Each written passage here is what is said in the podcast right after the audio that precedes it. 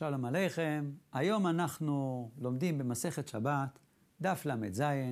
היום נבין את ערכן העצום של ההכנות לשבת ואת השפע הגדול שנמשך מהם. הנושא השני זה נחשוף גם את סוד הניגון העתיק והמיוחד של לימוד התורה.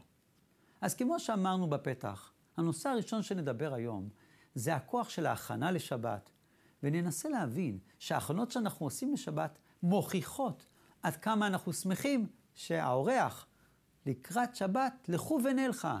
הכלה מגיעה, החתן מגיע. כפי גודל ההכנה, כך נזכה לקבל את השפע מהשבת ומהחג. ונזכיר גם את הקטע שבשבת לא מבשלים, וכל דבר שאתה רוצה בשבת שיהיה, מי שטרח בערב שבת צריך לתקן לפני שבת. מה זה בישול? כל דבר שמתקן את המאכל. באמצעות חום האש נחשב בישול. זאת אומרת, לקחתי תפוחי אדמה ושמתי אותו בתוך הסיר עם מים ושמתי אותו על האש. האש כבר דולק מיום שישי. אבל אם בשבת הוא לוקח את הסיר עם התפוחי אדמה או הגזר או הלפתן או הבשר והוא שם את הסיר על האש, את האש הוא לא הדליק, אבל הוא, נכ... הוא נכשל, כיוון שהוא בישל. מה הוא בישל? הוא לקח מוצר גולמי, תפוחי אדמה, ולפתן, ובשר, שזה חומר גולמי, וברגע שהוא שם אותו על האש, הוא נהפך למבושל. אותו דבר בעוגה. יש תנור דולק כבר, מיום שישי. אבל ברגע שהכניסו את הבצק לתוך התנור, אז יצרו בעיה שנקרא איסור אפייה. אותו דבר לצלות או לטגן. אבל אנחנו נראה היום את הפן השני.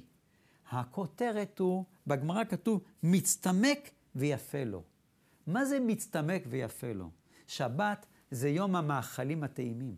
מצד אחד השבת הוא יום של ההכנה לשבת לפני, שזה כל מה שצריך להכין לקראת שבת, ובשבת הרי לא מבשלים אפילו גרגיר קטן של חומוס. אי אפשר, כיוון שאז הוא נופל באיסור מלאכת שבת. אבל אנחנו רוצים רגע להבין. הרי שבת קודש היא מתנה רוחנית.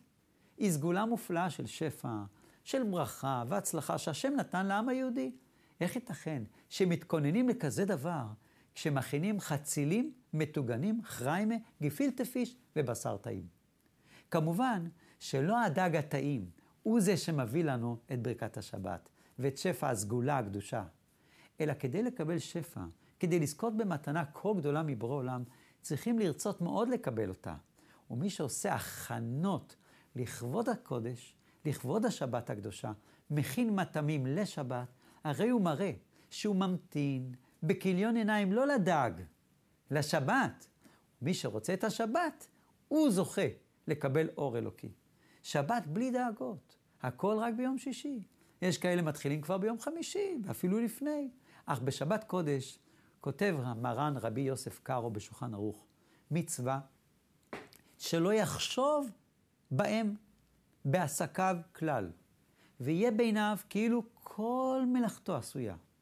זאת אומרת, בשבת קודש הוא כותב, אדם עוזב את כל עסקיו, ולא רק שלא מטפל בעסקים, אלא שאין הוא דואג כלל מה יקרה ביום ראשון. את הדאגות אפשר להשאיר ליום ראשון. שבת קודש הוא יום מנוחה וקדושה. איך נראה ביקור אצל הילדים? היודעים אתם שבשבת קודש גם לא קוראים דברי חול. זה נותן לנו מימד על קדושת השבת. מדוע הם קוראים דברי חול? נתאר לעצמנו שאתם מגיעים לבקר אצל הילדים שלכם. כשאתם נכנסים לתוך הבית, אתם רואים שהם ממשיכים לשבת על הספה ולקרוא עיתון. איזה תחושה יהיה לנו? איזה תחושה תהיה לכם? זאת אומרת, כשאנחנו מקבלים את פני ההורים שלנו, של האורחים שהגיעו בכבוד, בוודאי אנחנו מצפים שאנחנו מגיעים לבקר אצל הילדים, הילדים כבר למטה מחכים בתחילת הרחוב כדי לקבל, הגיע סבא, הגיע דוד, לקבל את המכונית, הגיע. יעזרו לכם לפתוח את הבגז ולהוציא את המזוודה. יעלו איתכם הביתה, יראו לכם את החדר שהכינו לכם עם מצעים רוחניים, ריחניים. מגבות מקופלות, זר קטן של פרחים וכיבוד קל על שולחן בפינת החדר. מגיע לכם, נכון. אתם, ההורים, גידלתם את הילדים, ואתם רוצים קצת נחת. אפילו הרבה. אמא מבשלת במטבח, אז אנחנו מקבלים עכשיו הבנה על איסור עשיית מלאכה בשבת. אורחים חשובים באים לבקר, הם נכנסים לבית ושואלים את הילדים, היכן אבא ואמא? הילדים אומרים, הם מבשלים במטבח. מה אומר האורח לעצמו? חברים, עכשיו אני מבקר, זה לא הזמן לבשל. לא הגעתי הנה כדי לאכול עוגה, באתי כדי לשבת איתכם ולשוחח איתכם. בואו נשב ונהנה אחד מהשני. זה מה שבורא עולם רוצה בשבת. אם הכנתם את המטעמים, המטעמים לפני שבת, נאכל אותם יחד. אם לא הכנתם, זה לא הזמן להכין. עכשיו אנחנו יושבים יחד ליד שולחן השבת. יושבים עם בורא עולם, זה לא אמירה, זה ממש ככה. כתוב בתלמוד הירושלמי, שבשבת גם היו אנשים שהקפידו אפילו לא להגיד שלום. למה? כי שבת זה כזה אור, זה כזו אור, זה כזה השראת שכינה שמחברת אותנו. אז למה כרגע אני צריך להתנתק מהאור האלוקי הפנימי שבוער בי, ולהתחיל לשאול, מה שלומך? מה היה השבוע? זה נקרא בית העם. שבת זה לא בית העם. שבת זה כל אחד מתחבר לעצמו, והוא מכבד את השני, והוא יושב בשולחן שבת כמו מלך, האמא כמו מלכה, והכל מבהיר את התדלוק של הנועם, של החלקים הטובים שיש בנו, לאהוב ולתת ולהתחבר למי שנותן לנו כל בוקר את האור להתעורר בבוקר. הנושא השני שיש לנו היום, בואו נחשוף את סוד הניגון העתיק והמיוחד של לימוד התורה. ונפתח בסיפור. התייר, הקשיש מאמריקה, שחיפש את הבחור הצעיר שניגן, זה הכותרת. מסופר שלשכונה עתיקה בירושלים הגיע יום אחד תייר קשיש בן 90. הוא פגש שם את אחד מתושבי המקום ואמר לו, שמענה, אני נולדתי בשכונה הזו, וכאשר הייתי בחור צעיר, היגרתי לארצות הברית. כעת זו פעם הראשונה שאני חוזר למקום לאחר 70 שנה. אני זוכר בימי בחרותי שהיה כאן באזור איש צעיר שהיה יושב ולומד שעות ארוכות, ארוכות, באחד מבתי הכנסת, הוא מנגן את הגמרא בקול כל כך נעים, ובניגון שובה לב. אולי אתה יודע איך קוראים לו? אולי הוא חי היום? אולי אתה יודע מה הוא עושה היום? בלא דיבור. לקח האיש את התייר בזרועו, תפס אותו, הלך איתו בסמטאות של השכונה הישנה. בעודם מהלכים ברחוב, החל להישמע ניגון שובה לב, עתיק וגדוש כיסופים. התייר עוצר, נשען על המקל, עוצם את העיניים, נושם עמוק, אומר, זה הניגון.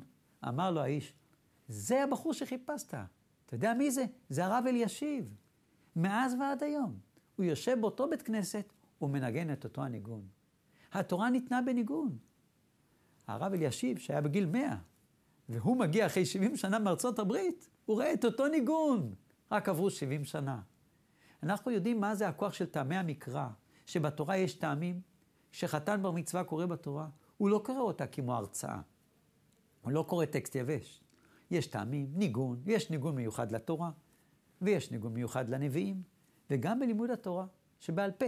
מי שנכנס פעם לישיבה, לבית המדרש, שומע את הניגון הזה, שאין דומה לו בכל העולם. זה המיית, המיית הנשמה, המיית הכיסופים.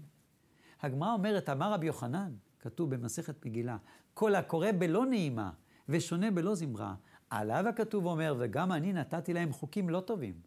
בעלי התוספות לפני 700 שנה מסבירים שהם היו רגילים לשנן את המשניות בזמרה, מפני שאת התורה שבעל פה היה אסור לכתוב. זה עוד היה לפני שנכתבו המשניות.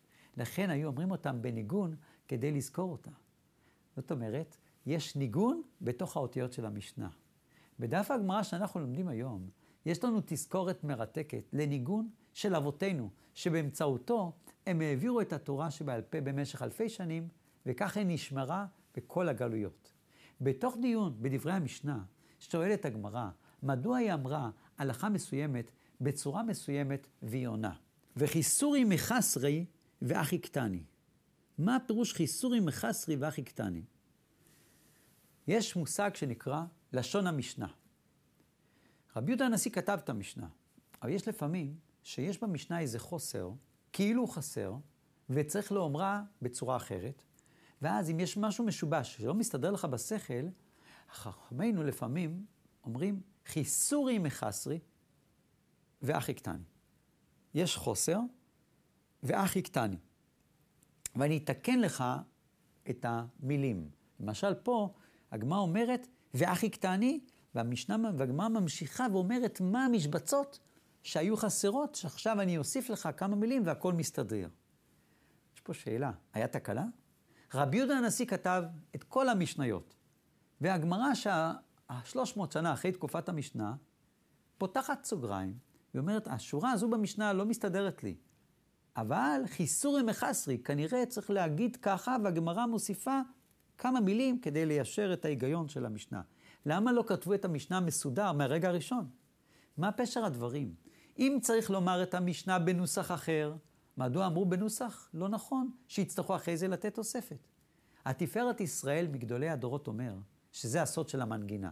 מסביר כך, שהייתה מנגינה מיוחדת לכל משנה. למה? כדי לחזק את המשנה בכוח הזיכרון. המנגינה הייתה מותאמת למילים של המשנה כמו חרוזים, ולכן כמה פעמים בחר רבי יהודה הנשיא התנא שכתב את המשנה במילה כזו או אחרת, ואפילו להחסיר כמה מילים כדי שהלחן יהיה מושלם. התורה שקיבלנו מבורא עולם היא שירת החיים. איך כתוב? לכל יהודי יש מצווה לכתוב ספר תורה, ואיך כתוב בתורה בחומש דברים? ועתה כתבו לכם את השירה הזאת, ולמדה את בני ישראל לשימה בפיהם. למען תהיה לי השירה הזאת לעד בבני ישראל. מה כתוב פה? שהתורה זה שירת החיים. כשיהודי לומד תורה, הוא חש את הרגשות העמוקות יותר. הניצוץ הפנימי עולה. להרגיש שהוא מניע את המיתרים העדינים ביותר בנפש. כידוע, עולם הנגינה הוא עולם גבוה מאוד. יש נשמות שאפשר רק דרך הניגון לנגוע בהם.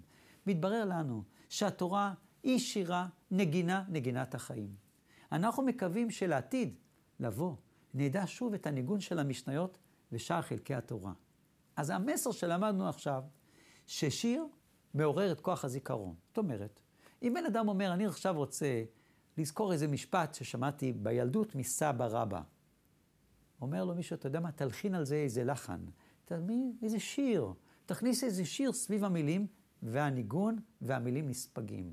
מי שבעצם יצר את זה, זה לפני למעלה מאלפיים שנה, תקופת המשנה, שהיא לא הייתה כתובה, ואז איך אנחנו נזכור אלפי משניות מאבא, מסבא שהיה בזמן מתן תורה, שמשה רבינו כשהביא את התורה שבכתב, שזה הספר תורה, הוא קיבל את התורה שבעל פה, אבל בעל פה. זה עבר דור אחרי דור. איך זוכרים את זה? הם מצאו את הדרך, דרך שהפכו את המשניות לשיר. הוסיפו לחן, לכן זה גרם שחלק מהמשניות חסרו מילים כדי שהלחן יהיה מושלם. שנזכה בעזרת השם ליהנות ולשיר את שיר התורה, אמן ואמן. תודה רבה.